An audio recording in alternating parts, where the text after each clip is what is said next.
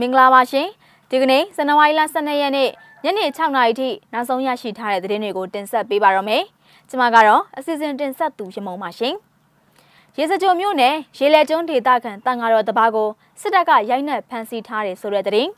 လိုင်းကော်မြို့နယ်မှာတိုက်ပွဲတွေဖြစ်ပွားခဲ့ပြီးစစ်ကောင်စီကလက်နက်ကြီးတွေနဲ့ပစ်ခတ်ခဲ့တယ်ဆိုတဲ့သတင်း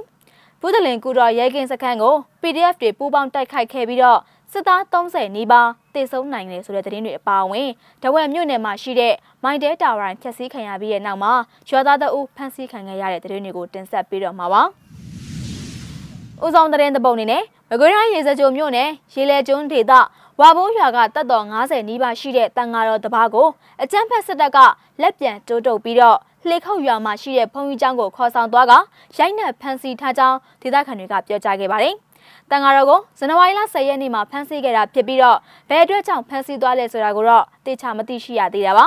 မနေ့ကဇန်နဝါရီလ17ရက်နေ့ညပိုင်းကလည်းလှေခောက်ရွာမှာရှိတဲ့အသက်40ကျော်အရွယ်ဒေသခံအမျိုးသမီးတဦးကိုဖမ်းဆီးခဲ့ကြောင်း YSO နံပါတ်1ပျောက်ကြားတပ်ဖွဲ့ခေါင်းဆောင်ကမျက်စိမှကိုပြောကြားခဲ့တာပဲဖြစ်ပါတယ်။ဖုန်ကြီးကျောင်းကသူတို့စစ်ကြောင်းစထိုးတဲ့နေ့ဇန်နဝါရီလ10ရက်နေ့ကဖမ်းဆီးခြင်းကိုခံခဲ့ရတာရိုက်ထားတာကလည်းမျက်နှာတစ်ခုလုံးရောင်ကိုင်းနေတာပဲ တင်ကန်းကိုမချွတ်ပဲနဲ့လက်ပြန်ကျိုးတုပ်ပြီးတော့ရိုက်ထားတယ်လို့မြင်လိုက်တဲ့သူတို့ကပြန်ပြောလို့သိရှိရပါတယ်မနေ့ကအမတရကိုလည်းသူ့အိမ်မှာရိုက်နှက်ပြီးတော့ဖုန်းကြီးเจ้าမှာခဏဖမ်းထားပြီးဒီကနေ့မနက်မှာပြန်လွှတ်ပေးလိုက်တယ်ဖမ်းထားတဲ့တန်ဃာကိုတော့ပြန်မလွှတ်ပေးသေးဘူးလို့သူကဆက်လက်ပြောကြားခဲ့တာပဲဖြစ်ပါတယ်စစ်တပ်ကညောင်မင်းရွာဝဘိုးရွာတို့ကိုဇန်နဝါရီလ10ရက်နေ့မှာစစ်ကြောင်းစထိုးခဲ့တာဖြစ်ပြီးမြေတော်စခန်းမှာတညအိတ်ကနောက်ရက်မှာတော့လှေခုတ်ရွာနဲ့ရေရရွာကြားဒေသတွင်းပျောက်ကြားတပ်ဖွဲ့တွေနဲ့တိုက်ပွဲတွေဖြစ်ပွားခဲ့တာပဲဖြစ်ပါတယ်။ အဲ့ဒီတိုက်ပွဲတွေအပြီးမှာတော့ရေလက်ကျွန်းဒေသမှာရှိတဲ့ရွာအများစုဟာထွက်ပြေးတိမ်းရှောင်နေခဲ့ရတာပါ။ဒါ့အပြင်ဇန်နဝါရီလ12ရက်နေ့မနက်၈နာရီမှာလှေခုတ်ရွာမှာရှိတဲ့နေအိမ်တချို့ကို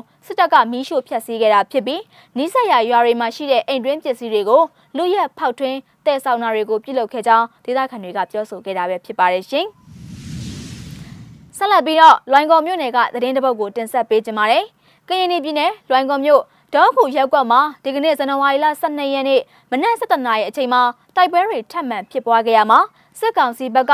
လက်နက်ကြီးလက်နက်ငယ်တွေအပြင်မြေပြင်မှာဘုံခွဲတိုက်ခိုက်မှုတွေကိုပြုလုပ်နေကြောင်းဒေသခံတွေထံကတစင်သိရှိရပါတယ်။တိုက်ပွဲပြန်လည်ပစ်ခတ်နေတာအခုချိန်ထိဖြစ်နေတော့မဲစစ်ကောင်စီဘက်ကလက်နက်ကြီးအချက်ရည်မနှဲဘူးဖြစ်နေတာဘုံခွဲတာကတော့လေကြောင်းကမဟုတ်ဘူးဒီတိုင်းကိုခွဲတာ မိခိုးတွေဦးနေတာမြင်နေရတယ်လက်နက်ကြီးနှလုံးဆိုကျွန်တော်တို့အရှိမာတင်ကြလာတယ်လို့နောက်တန်းမှာရှိတဲ့ DMO PDF တပ်ဖွဲ့ဝင်တအုပ်ကမြစ်စမကိုပြောကြားခဲ့တာပဲဖြစ်ပါတယ်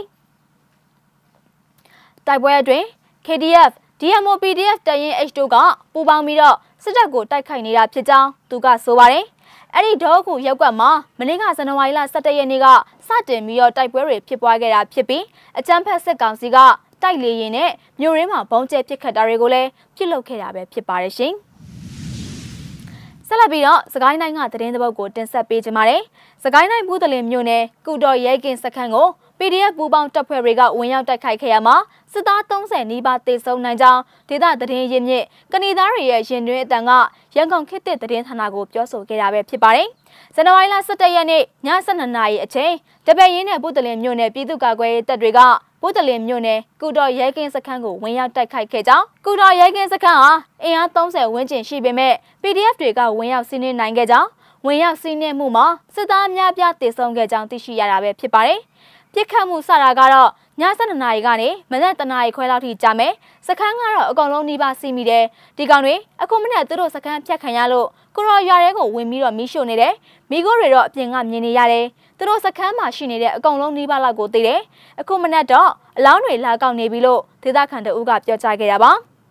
ဘုဒ္ဓလင်မြို့နယ်ကုတော်ကျေးရွာမှာအင်ချီ200ဝန်းကျင်ရှိတာဖြစ်ပြီးတော့ဒေသခံပြည်သူအလုံးဟာလည်းထွက်ပြေးတင်းရှောင်နေရကြောင်းဒေသခံတွေကပြောကြားခဲ့တာပဲဖြစ်ပါတယ်။ဒါ့အပြင်တနင်္သာရီတိုင်းတနင်္သာရီမြို့နယ်အတွင်းမှာရှိတဲ့တကူတန်တိုက်လေစိတ်ကြားကောင်းတောင်တို့မှာဇန်နဝါရီလ10ရက်နေ့နဲ့17ရက်နေ့တွေမှာအကြမ်းဖက်စစ်ကောင်စီတပ်နဲ့ဒေသကာကွယ်တပ်ဖွဲ့တွေဖြစ်တဲ့ဗမလိုက်ပျောက်ကြားတပ်ဖွဲ့ကြားတိုက်ပွဲလေးချိန်ဖြစ်ပွားခဲ့ပြီးစစ်သား2ဦးသေဆုံးက2ဦးဒဏ်ရာရရှိခဲ့ကြောင်းဗမလိုက်ပျောက်ကြားတပ်ဖွဲ့ထံကတဆင့်သိရှိရပါတယ်။ အဲ့ဒီတိုက်ပွဲတွေအတွင်းမှာပျောက်ကြားတပ်ဖွဲ့ဘက်ကထိခိုက်မှုတစုံတရာမရှိဘဲနဲ့ဆုတ်ခွာနိုင်ခဲ့ကြောင်းအကြမ်းဖက်စစ်ကောင်စီအလုံးစုံပြတ်သုံးရေးနဲ့စစ်ကောင်စီထောင်းတိုင်မှန်သမျှရှင်းလင်းရေး Federal Democracy နိုင်ငံတည်ထောင်ရေးအတွက်ဆက်လက်တိုက်ပွဲဝင်သွားမှာဖြစ်ကြောင်းဗက်မလိုက်ပျောက်ကြားတပ်ဖွဲ့ကသတင်းထုတ်ပြန်ထားတာပဲဖြစ်ပါတယ်ရှင်။နောက်ဆုံးသတင်းသဘုံအနေနဲ့ တဝယ်မြို့နယ်မှာရှိတဲ့မိုင်းတဲတာဝါရိုင်ဖျက်ဆီးခံရပြီးတဲ့နောက်မှာတော့ရွာသားတအုပ်ဖမ်းဆီးခံခဲ့ရတဲ့သတင်းကိုတင်ဆက်ပေးချင်ပါတယ်။တင်းနိုင်တိုင်းတဝယ်မြို့နယ်ရှင်မုတ်တီကျေးရွာမှာ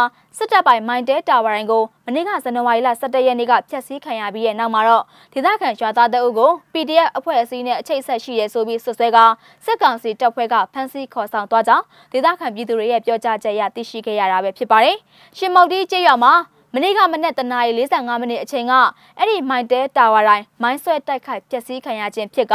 အခုလက်ရှိအချိန်မှာတော့ဘယ်ဖွဲ့စည်းကပြုတ်လုခဲ့လဲဆိုတာကိုတော့ထုတ်ပြန်ထားခြင်းမရှိသေးတာပါရှင်မောက်တီကျေးရွာနေဒေသခံတို့ကမိုင်းတဲတာဝါတိုင်းဖျက်ဆီးခံရတာကိုစစ်ကောင်စီကလာရောက်စစ်ဆေးတာမျိုးတွေလုပ်ပြီးတော့ရွာသားတအုပ်ဖြစ်တဲ့ဦးမောင်လင်းကိုဖမ်းဆီးသွားတာဖြစ်တယ်လို့ပြောကြားခဲ့တာပဲဖြစ်ပါတယ်။အဲ့ဒီမိုင်းတဲတာဝါတိုင်းဖျက်ဆီးခံရပြီးတဲ့နောက် မနက်9နာရီခွဲခန့်အချိန်မှာစစ်ကောင်စီတပ်သားတွေဟာအခင်းဖြစ်ပွားရာနေရာကိုတွားရောက်စစ်ဆေးပြီးတဲ့နောက်မှာအခုလိုမျိုးဖမ်းဆီးသွားတာဖြစ်ကြောင်းဒေသခံရွာသားတွေကပြောကြားခဲ့တာပဲဖြစ်ပါတယ်ရှင်။ဇန်နဝါရီလ12ရက်နေ့ညနေ6နာရီထိနောက်ဆုံးရရှိထားတဲ့သတင်းတွေကိုတင်ဆက်ပေးကြတာပါ။ကြည့်ရှုနားဆင်ပေးခဲ့တဲ့အတွက်ကျေးဇူးတင်ပါတယ်ရှင်။